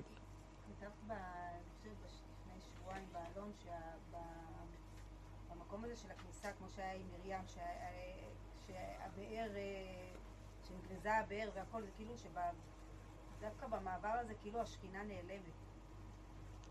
חושך יותר גדול. כן, שהחושך כאילו יותר גדול, שהשכינה שגם ליוותה אותנו בתוך העבודה, כאילו ברגע הזה. כן. היא- נכון. אין... נכון, הכל נגמר. כל מה שליווה אותנו ותחזק אותנו במעבר של עץ הדת, בעבודה שלו כדי להתפרק ממנו, והרגשנו את זה, נעלם. והבנות אומרות לי, נעלם, התחושה שיש, היה, ליווה אותנו כוח אלוקי כזה, וזה נעלם, אין, אין כלום, אין כלום. זה התהליך של כאילו להסכים במרכאות למות למצב הזה, כי זה עוד אה, שכינה שבאה, ל- שג- שהיא ליוותה אותנו בגלות. כמו שאומרים, מלאכים של חוץ לארץ ליוו את יעקב אבינו עד שהוא נכנס לארץ ישראל. כשנכנס לארץ ישראל, זה כבר חיות מסוג אחר נכנסת. כן, להתגלות כאילו עליו. מין המעבר בחושך הזה הוא באמת אה, פחד אימים, כאילו, לא איזה משהו ש... אני לא יכולה, לה... אני כבר אין לי כוח גם להכיל את המילה פחד אימים. אני לא יכולה להכיל. אין לי יכולת להכיל את הפחד אימים. אז אני לא רוצה לדעת. אני לא יכולה להכיל. אז מה עוד אה, זה מחזיק, כאילו, המקום שעוד חושב שהוא יודע, כאילו? כן, לא, אני... טיפה של הרגשה של מצוקה, או אם זה נובע מהפחד, או מהכעס, או מהתסכול, או... אני אומר, לא, לא, לא, לא. ולהת... ולהתמסר לחוויה של העין, יסוד העין, זה בסדר. לפחות יש בזה שלווה ורגיעות, כמו גמול על- של תינוק על אמו, ושם זה טוב. בלי להרים ראש ולחשבן, זה אי אפשר להכיל. זה מה ש... אני לא יכולה להכיל את המוח שמרים ומחשבן. אין כוח כבר. תקשיבו, זה מעבר כזה, אני חושבת שמרגישים את זה, הרבה מדברות. במקום הזה בואו נמעיט מהקשר עם העולם כמו פעם. ויכוחים, דיבורים, עניינים, התייחסות, אין חשק גם. חבל שלא... אנחנו במקום שאנחנו יכולים אה, לחשוף משהו חדש. ובקלות שהעולם יגנוב אותנו להמשיך עוד מעגל רגיל. לא, זה חבל. אתם מבינות מה אני מדברת? זה חבל. כדאי להתמסר לחוויה, לטפח חוויה חדשה. פחות להתווכח, פחות לנצח, פחות לשתף, פחות לדבר, פחות עולם. מה יש לנו מזה? עוד קשקוש, עוד דיבור, עוד חווייתיות. אז מה נתנתק מבני אדם? חבר'ה, הכל כאן מאוד שטחי. ושנרצה קצת לגלות איזה משהו עמוק, פנימי, אמיתי, שהחיבורים עם הבני אדם הם יהיו ממקום אחר, לא מהמקום של הקשקושים והחוויות השטחיות האלה של מה נראה לך, מה נראה לך, מה נראה לך, מה נשמע, לא נשמע, כן נשמע. קשקושים של, שמשמרים תקשורת כזה. הכל כל כך שטחי היום, ומהיר, כמו שהיא תיארה. הכל כל כך מהיר, וכל הזמן רוצים לספק חדשות ועניינים חדשים וחדשים ומהיר. זה מוחץ, שטחי נורא. תתכנסו פנימה. זה שוחק, אי אפשר לחיות ככה. מה רוצים להשיג? את. אה, התד- התדמית הדמיונית, מה שאני חושב עליי ואיך אני בעיני העולם, וחבל על הזמן. נכון? אלה שנכנסים בדרך כבר, במילא השלנו הרבה, אבל מבקשים מאיתנו עוד נקודה פנימית. זה לא ינתק אותנו. כמו שהיא אמרה, מאוד יפה אמרת. ענת אמרה דבר כל כך יפה, שזה בסופו של דבר, כולם מתחברים למקום הזה, וזה החיבור מעצמו נעשה, ואוהבים אותה. זה לא כל הזמן ככה, כן? כן, אבל זה היסוד שאת רואה אותו חוזר פעם, אז זה החוק. נתנו לך הצצה לחוק, איך הוא עובד. זה נכון, זה רצו ושוב. מדהים. מדהים. לא להתייאש ולא להישבר. ואפילו אם זה נראה קשה, כאילו יצאנו והתרחבנו ו... אז אין דבר, חוזרים ועוד פעם. שנייה ולחזור, שנייה ולחזור, הכל קטן ומהיר, ובלי התרחבות של עץ הדעת ופרשנות ומשמעות. תראו, זה כללים מאוד עדינים, עשינו הרבה עבודה, ועכשיו אלה שרק באו, קשה אולי להתייחס, אבל אני מאמינה שאלה שבאים עכשיו ושומעים את השיעורים כאילו, בלי התהליך הקודם שעברנו, אז הם מתאימים כנראה להגיע עכשיו. משהו שיכול לקלוט יותר בקלות את המימד החדש. אז uh, באמת, מישהי אמרה לי, מה זאת אומרת? הם לא עשו את כל העבודה, למה שברגע אחד הם יבואו ויקבלו את ה... זה מרגיז אותי. אבל זה לא משנה. מי ששכרו גדול של מי ש... זה כמו אלה שפילסו את הדרך, או בוא נגיד אלה שחפרו את הביצות במדינה וייבשו אותם, וכל אלה ש... אה, איך קראו לזה? חומה ומגן, וכל אלה ש... ואחר כך בא הדור הזה, וכולו יושב, וואו, יושב ואוכל ושותה, מה הוא יודע, מה... והוא מקבל אה, בחינם.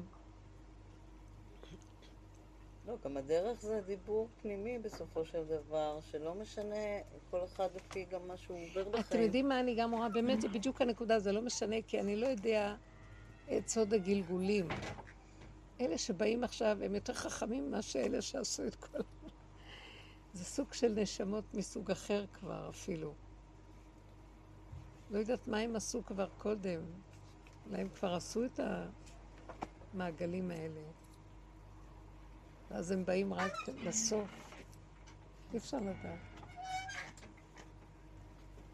ההפך, אני מרגישה שמשהו סתום אצלי עכשיו. שמה? משהו סתום. כאילו, כן. כאילו... כן, כמו שהיא אמרה, אין שכינה, אין את הדרך, כן. את האור הזה שהיה לנו, שליווה אותנו. הכל נגמר. אה, משנכנסו לארץ ישראל, במעבר כבר פסק המן. הבאר נגמרה. ענני הכבוד הסתלקו. אה, אה, מה שהיה אהרון ומשה ומרים. הנהגת המדבר נעלמת. הנהגת ארץ ישראל היא, הנהגה אחרת, היא הנהגה של צמצום. וחוקים מדויקים, מעשיים בהגשמה, לא סתם, לא זה, רוחניים בכלל. כי זה ארץ אוכלת יושביה, האם אתה, באמת, כאילו מבחינת עץ הדת זה ארץ- אוכלת יושביה.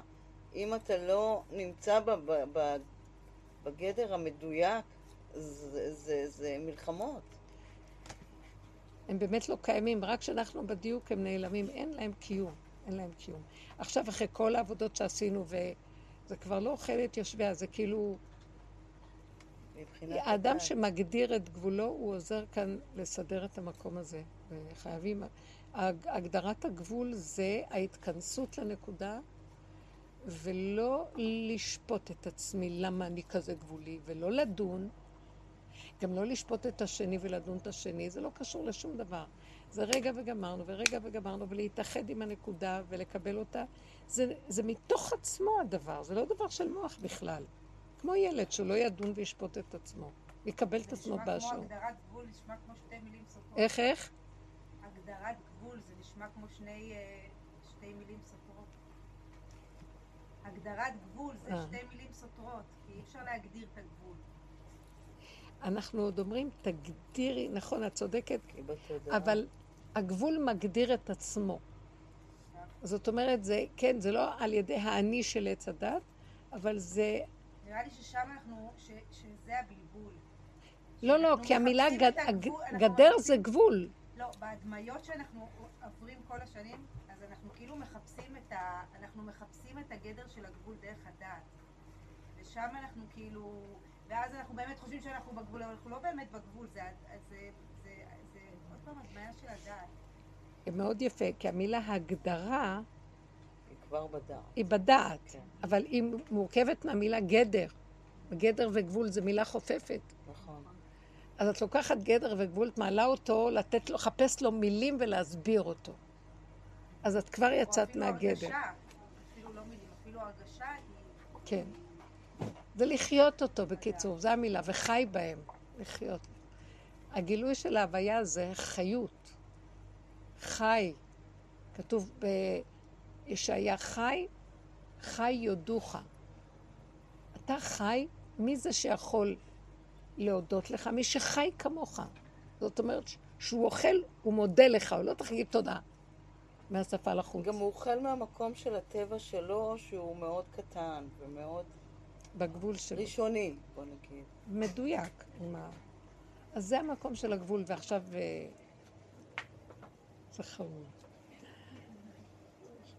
עכשיו, זה באמת נפלא. אז מה זה ההגדרה של הגבול? איפה שדבר, אני לא יכולה לדעת מה זה הגבול, אבל איפה שמשהו מתנגד לי, זה מראה שנגעו לי בגבול.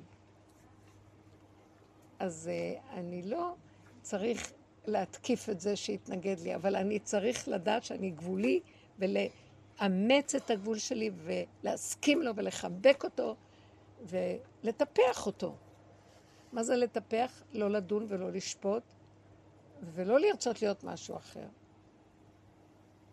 רק אני כן, מבק... אני מתפללת שם, כי אני ראיתי שאני יכולה לגלוש ולאבד את הנקודה שלי, וגם אה, זה העיקר, שאני לא אאבד את הגבול שלי בעבור עץ הדת והנצחנות שלו לרגע. וזה משהו שהוא, אני מבקשת עליו תפילה, כי זה, אנחנו עוד מפרפרים בין הגבולות, בין התודעות. אבל בסופו של דבר, לחזור לנקודה שלנו, זה שלווה, זה שלום בנפש. פתאום לא אכפת לי כלום בחוץ, שכל כך מכאיב. אם אני ארים רגע את הראש, אני מלאה כאבים מהעולם. למה אין לי, למה ככה, מה חסר לי, מה יהיה, לא יהיה, מה קורה. לא, כלום, זה לא שלי כאן כלום. אני מכריחה את עצמי להיות שייכת לרשות היחיד, שיש יחידו של עולם שייקח עליי אחריות. אנרגיה של חיים שקיימת, והעץ חי ממנה, וכל הבריאה ושיח השדה, וכל העוף השמיים, וכל החיות, חיות ממנה. יש מי שמחיה פה את הכל. ידע שור קונהו, וחמור אבוס בעליו. עמי לא ידע, ישראל לא התבונן. וכשהוא אמר ידע שור קונהו, זה לא שלשור יש דעת, אבל הבשר שלו יודע מי זה השם. יודע מי נותן לו את האוכל שלו. לא בידיעה שכלית. יש לו הכרת הטוב. כשהוא אוכל יש לו תודה, תודה. הוא לא צריך להגיד תודה. אנחנו בעץ הדת עושים ספרים איך ללמוד להגיד תודה, ואז משננים, תגיד תודה, תגיד תודה, תגידו תודה. תגידו בבקשה, תגידו תודה. ולחזור להגיד תודה השם, תודה השם, תודה השם, יש ספר כזה. תודה, תודה.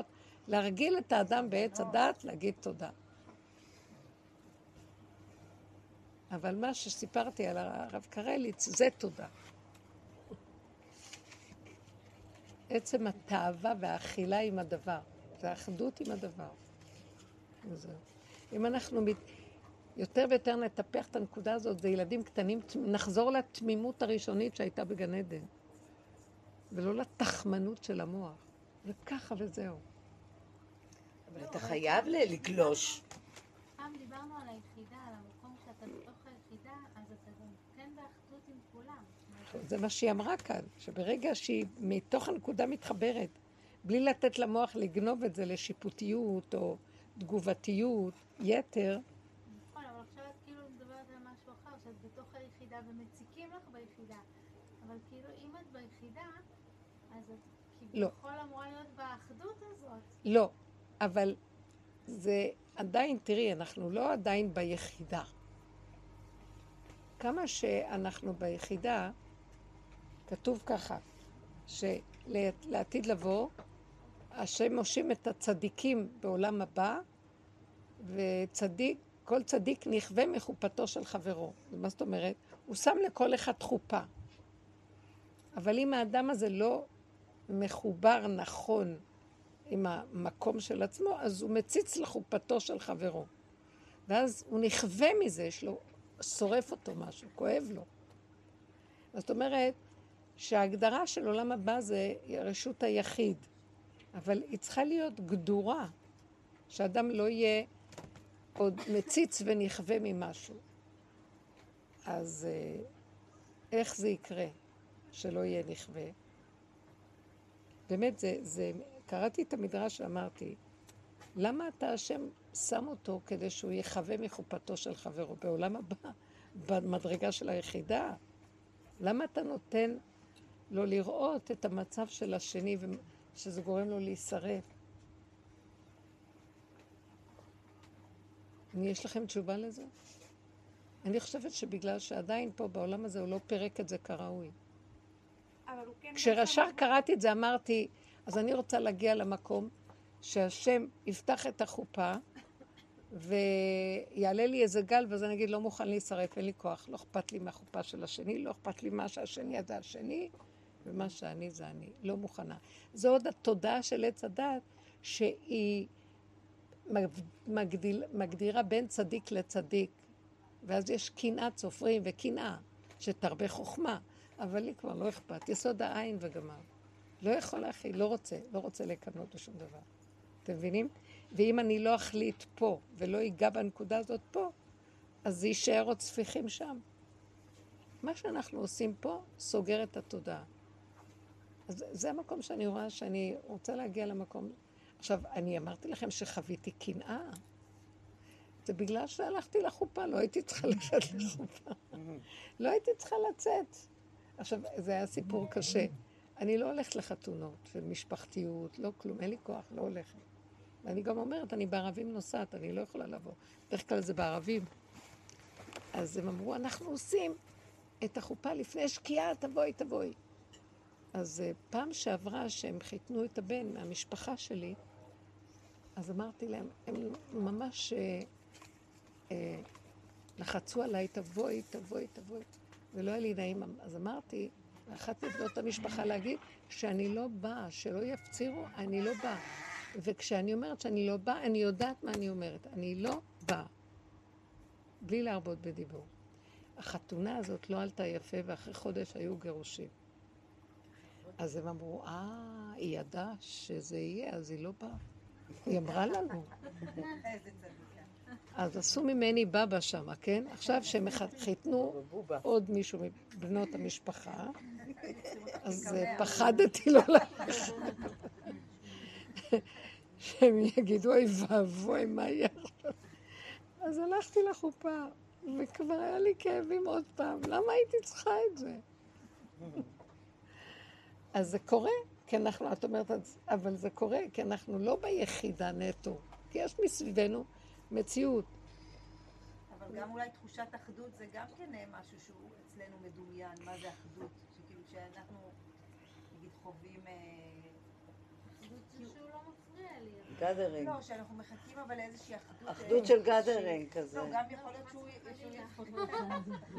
וזה זה עוד מה- מעץ הדת לא, כאילו שמחקה אחדות את היחידה. אבל לא בצורה שאנחנו דווקא חווים אחדות. אנחנו חווים אחדות גם אה, מדומיינת. כאילו שאנחנו חושבים מה זה אחדות שאנחנו אוהבים, זה גם, זה לרגע. אבל זה לא חייב שזאת ככה נראית אחדות. לא, אבל יש איזשהו מקום שהוא... שאנחנו מחוברים אחד לשני, מה זאת אומרת? קצת שאנחנו לא שונאים, זה מקום שהוא... לא, לא, גברת, לא. את רואה, את גם מדברת עכשיו מעץ הדת. כי אנחנו לא צריכים לדאוג להיות מחוברים אחד עם לא, השני. אנחנו לא, בכלל לא במקום של, של דת. בדיוק. מקום שכאילו שזה ברור. אז זה כבר התוצאה החיצונית.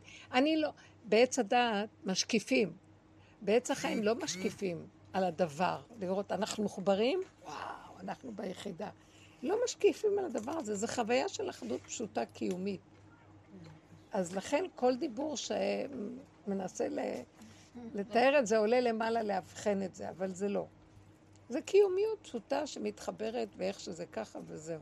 וזה יכול להיות לרגע. כן, אבל לא, זה לא שכאילו כמו אפקט הפרטר, שדבר קשור לדבר, אלא באיזושהי צורה ש... התוצאה הסופית. התוצאה או- הסופית כן, שזה קשור וזה פועל. אבל אם אני רגע ירים את הראש ואסתכל ואתפעל שזה קשור וזה פועל, גנבתי את היסוד האלוקי, רק הוא יכול להשקיף. כי אדם שהוא משקיף הוא ישר הופך לעץ הדת. אז תני לזה לקרות בלי להשקיף. בלי לדעת. בלי לדעת. אנחנו מחוברים? וואי, איזה חיבור היה מדהים. זה לא יהיה בכלל אישו. כי זה יוצא מהחוויה. קיומיות פשוטה וזהו. גם אם לרגע מישהו דרך לי על הגבול והפלקתי לו, זה רק היה לרגע, ואחרי זה חזרנו לחדוש. זה הכל בסדר. זה מדהים. פשטות קיומית, הפשטות, יסוד הפשטות מתגלה, שזה מיסוד העין, הפשטות הוא יסוד העין, זה לא יסוד היש של אחד ועוד אחד. זה נעלם ובא ונעלם, ו... וזה מצומצם וקרוב מאוד מאוד, והאדם, הוא חי עם העולם, אבל לא, אין משמעות לעולם ש... שהמוח, כמו קודם. העולם קיים, מה זה קשור אליו? אנחנו היום קיימים במוח, אנחנו כל הזמן, כמו מדוזה, מקשרים את זה לי. אני, יש לי ביקורת למה הוא נראה ככה ולמה זאת אמרה זה, ולמה הם זה זה. ואני מגדירה, האנשים של העיר הזאת הם סוג כזה, ואלה כאלה. זה השקפה כזאת שמגדירה. באמת, באמת, בעולם היסוד העין של היחידה האמיתית מבפנים, איך זה נראה, נניח, אני מנסה לצייר את זה. זה בן אדם שהוא חי בעולם, והכל שלם איך שזה ככה בעולם. הוא לא מבקר ולא שופט ולא דן. כי מה זה קשור אליו? אז אפילו אם האדם ההוא עקום, הוא שלם בעקמומיות שלו לגביו, הבנתם? הוא לא ילך לבקר, לשפוט, מה זה קשור אליי? אז הנה לך השלום, מאיפה נובע השלום? שאין לו דעה על הדבר, שאין לו שייכות לדבר. אז, אבל הדבר עקום, שיקום אלוקים ויסדר את עולמו. זה לא קשור אליי. גם זה לא נראה לי עקום. יכול להיות שכן העולם יגדירו אותו, תראו. בואו נראה, כמו פנחס, שהעולם הגדיר אותו רוצח, והשם אומר, מושלם. התגלה יסוד העין ועשה מהפך. אז אנחנו, התודעה החדשה היא הופכת להיות משהו שבכלל לא כמו שאנחנו חיים עכשיו. מוסר, ספריית ערכים, שוטרים ושופטים, וזה דן את זה, וחרדה ופחד, היראה מהעונש, ושכר ועונש, וזכות וחובה, ויחידה שרגע של זמן, רגע של מקום. מציאות עצמית שהיא מתחדשת והיא לא שייכת לכלום, וכלום לא שייך אליה גם. וברגע אחד היא מחוברת להכל, אתם מבינים? בלי להיות קשורה לכלום. הכל מתקיים באותו רגע, הכל ביחד. זו תודה חדשה, אור חדש יורד. אנחנו בת... במעבר בין התודעות, כבר דיברנו על זה כמה, וזה כבר מתחיל להתגלות. אם אנחנו ניכנס בגבוליות, נתחיל לגשר למשהו חדש, ויהיה לנו שלום בעצמותינו. ולא נריב ולא נתווכח, אלא אני אעמוד במה שאני ולא אוותר, ואני לא רבה עם אף אחד, רק אני לא מוותרת, ויש מה שיספק לי את מה שאני צריכה בגבול שלי, ויכול להיות שזה יהיה השני שיספק את זה. כי לא בגלל שהוא נכנע לי, בגלל שחוק האמת מצרף אותו לתת לי. הוא נכנע לחוק האמת. אתם מבינים מה אני אומרת? משהו. בתוכו, אני חוויתי איזה דבר כזה. זה לא מרודנות משהו של... בתוכו, אני הגעתי לאיזו נקודה של איזה, אמרתי, התרחבתי על משהו, ואז לא פעלתי טוב. התרחבתי מדי. ואז חזרתי לנקודה שלי ואמרתי, לא לדון את השני כך וכך וכך. זה את, את עם הנקודה שלך, התרחבת, תחזרי לגבול שלך. ואל תרצי שום דבר, כלומר, כשיצא הגבול שלי הוא היה אמיתי. כשהוא התרחב טיפה יותר בוויכוח או בדיבור, זה כבר לא שלי. אם אני חוזרת לצורך הראשוני שלי כמו שהוא, בלי לשייך את זה שזה צריך לתת לי והוא לא נותן לי, אז אני אתווכח איתו, לא אתווכח איתו. אלא ככה, חזרתי לנקודה שלי, משהו הסתובב אצל השני שנכנע ומסר את מה שהוא נותן, בלי שזה יהיה אה, של אה, חשבון או איזה דעת. לבד זה קורה, אתם מבינים? אבל אני צריכה לחזור לנקודה שלי מחדש. אפילו שסרחתי והתרחבתי, זה לא משנה אם לפני, אם אחרי. העיקר שנחזור. ולא נשפוט עצמנו למה. רק נחיה את הסכנה, כי בקלות יכולים להתרחב. כי הגבול נזקק למשהו, הוא יקבל. אני לא צריכה לעשות שום מלחמה כדי לקבל. ואם השני אה, נכנס איתי לעימות של ויכוח והלכתי איתו, נהיה מלחמה, אני לא אקבל. כי אני גרמתי. אבל אם אני לא אדון את עצמי למה גרמתי, חזרתי, הבנתי, אני צריכה להיכנס לנקודה שלי ולהצטמצם שם. ולחזור למקום של הגבול, שיודע שהוא צריך את מה שהוא צריך. היו לי שם כמה כאבים שדנו את עצמם. למה התרחבתי? כי אני איבדתי איזה נקודה שם, ויכולתי בשנייה שזה הכל יתהפך ויקרה. אבל כי ככה, כי אפשר שלא. שימו לב, במקום הזה הדבר חוזר ומסתדר עם לפני, עם אחרי. אני השם לא שניתי להתמיד ולחזור לנקודה. הבנתם את המסר פה? זה נכון לגבי הכל. ממש, זה נכון לגבי ממש, כל דבר. את. לוקחת את כל הסיפור. ממש. לא יודעת מה, אני כאילו מנסה להבין את המשמעות של הסיפור מאחורי הדברים, ואני אומרת, זה חייב, זה היה חייב במציאות, אי אפשר היה בלי זה. נכון. כאילו, זה, כל זה, דבר. ממש. זה לא לא לשפוט, לא לדון, לא להשתהות, לא להחמיץ ועוד יותר להתרחק. זה בעצם קשה. הגבול הוא גם רק לרגע, כאילו עכשיו ממש. הרגע היה גבול. ממש. תראו, קל לנו להגדיר ולדבר עכשיו, זה נותן כוח להבין את זה, אבל ברגע שבא ניסיון, קרה לי משהו הבוקר כזה, ממש, אני חושבת שכאילו, היה לי גבול, נתתי את הגבול, ואז, ואז התפתחה מריבה, כי הייתי חייבת להצדיק את הגבול הזה ולהגיד לו, הנה, תראה, אני עומדת על הגבול, הייתי צריכה להראות לעצמי, לא. בדיוק. לא, לא. אבל שמה, בדיוק. שמה התחילה מריבה, כאילו, אבל כי זה הסכנה של העולם, הסכנה. אין מה לעשות. אבל יש מה לעשות, דבר אחד שאני ראיתי, שהחולשה עוזרת.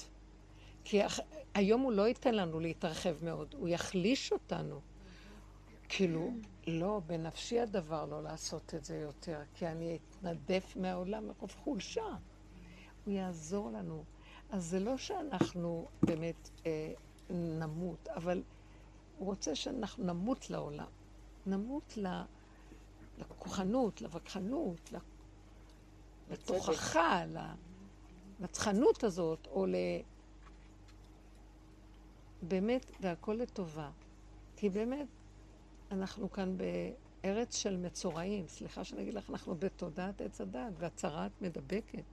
וכמה שלא נעבוד, הסכנה היא מאוד גדולה. צריך לחזור אחורה. בשניות שאנחנו נדבקים. אבל הוא השם רחמן, והוא בעצמו, יותר מה שאני רוצה להיגאל, הוא רוצה לגאול אותנו. יותר מה שהעגל רוצה, רוצה לג... הפרה רוצה להעניק. הוא כל כך רוצה כבר להתגלות ולגאול. אז הוא מחזר אחרינו שלא נישבר ושנתמיד. דרכנו נעשה את הגאולה. אני בטוחה בזה. דרך אלה שעובדים בלוח הבקרה ובעבודה הדקה הזאת. מזה נהיה האור של הגאולה, וזה קורה. כל מה שאנחנו במשך השנים ראינו בעבודה שנעשה בחוץ, אנחנו רואים שזה קורה גם בכלליות, אבל העבודה שלנו יוצרת את החריץ הזה, והכל הולך אחריה. אז לא להישבר, וזה קשה, ויש שכר לפעולתך. ושבו בנים לגאולם. אני שומעת את מה שאת אומרת, והמוח שלי אומר, טוב, בסדר, אבל רק שיהיה לי כסף. כאילו, אני אעשה את העבודה, אבל רק שיהיה לי כסף. לא הבנתי. לא הבנתי כלום. חמודה, איזה מתוק זה. כן. רב אושר היה אומר, כך הוא אמר פעם, שהוא קם בוקר אחד ואמר, תקשיבו, עוד מעט הבניינים יתפוררו והבגדים יהיו זרוקים, החומרים זרוקים, הכסף יהיה זרוק ברחובות וכל אחד יצחק, יצעק זה שלך, זה לא שלי, כי זה יסריח. כלומר, יגיעו מצבים כאלה שכל איך שאנחנו רואים את החיים, באמת הייתי אצל אדם מאוד יקר, שבאמת הוא חי בכלום, ממש במינימום. ולפני שיצאתי, אז אני אמרתי, אני אתן איזה סך של צדקה לעזור שמה למה שצריך, לקיום. אז כשבאתי להוציא, אז הוא אומר, לא, לא חסר לי דבר. ואז אמרתי, אבל אין, אה, אתה לא מרוויח, אתה לא... אז הוא אומר, לא, יש לי מה שאני צריך ללחם שלי, יש לי מה שאני צריך לזה, יש לי... הוא ספר כמה נקודות שהוא צריך מינימום. הוא אמר, את רואה, יש לי מספיק, אני לא מקבל, אני לא צריך יותר, אני לא רוצה לקבל יותר. יש לי את מה שאני צריך. והוא מנה על כפות הידיים כמה יש לו. בוא נגיד, יגיד, יש לי אלף שקל לחודש, וזה מספיק לי. משהו כזה, אני לא רוצה להיכנס לפרטים. ועמדתי בהתפעלות, כי הוא עמד בתוקף שהוא לא ייקח, כי הוא לא צריך יותר. זה מאוד קשה לעמוד, והגשתי לו מעטפה.